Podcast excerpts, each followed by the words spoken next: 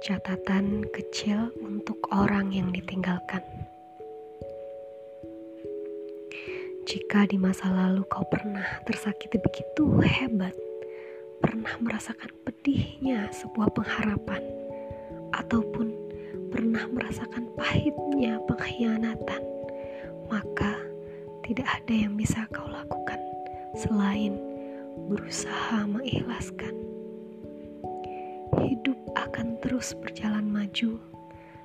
Tidak semua kenangan yang layak untuk kau simpan dalam ingatanmu.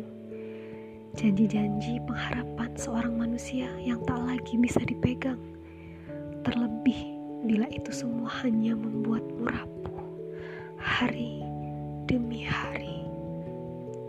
Lupakanlah, sudah saatnya kau belajar untuk mengikhlaskan juga memaafkannya. Sudah tiba masanya lagi-lagi kamu harus melepaskannya dan yang tak lagi mengharapkanmu. Sudah waktunya kamu bangkit lalu merekahkan senyumanmu. Sekarang hapuslah kesedihanmu. Hapuslah air matamu dengan balutan wudhu. Jika kau ingin menangis, menangislah di dalam sujudmu.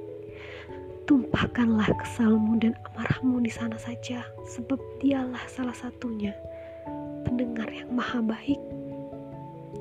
Maafkan dirimu yang mungkin pernah mencintai orang yang salah.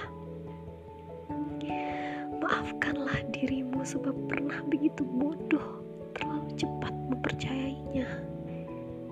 Maafkan dirimu yang terlanjur jatuh pada pengharapan yang berlebihan pada manusia hingga hatimu Allah jatuhkan sedemikian parahnya seperti sekarang. Kau harusnya paham bahwa itu sebuah teguran darinya. Sudah waktunya kau menimpali dirimu menjadi lebih baik, juga hingga menjadi dewasa, menjadi lebih cantik dengan penampilan dan juga lebih solehah dengan ketakwaan. Manfaatkan kesendirian itu dengan memperdalam ilmu agama.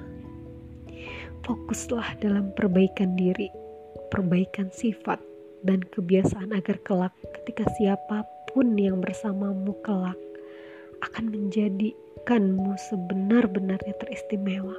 Dan kelak ketika dia melihatmu lagi, kau tak perlu mengemis meminta dia kembali. Menjadikan dirimu yang lebih baik, lebih cantik, dan lebih solehah setelah ditinggal pergi.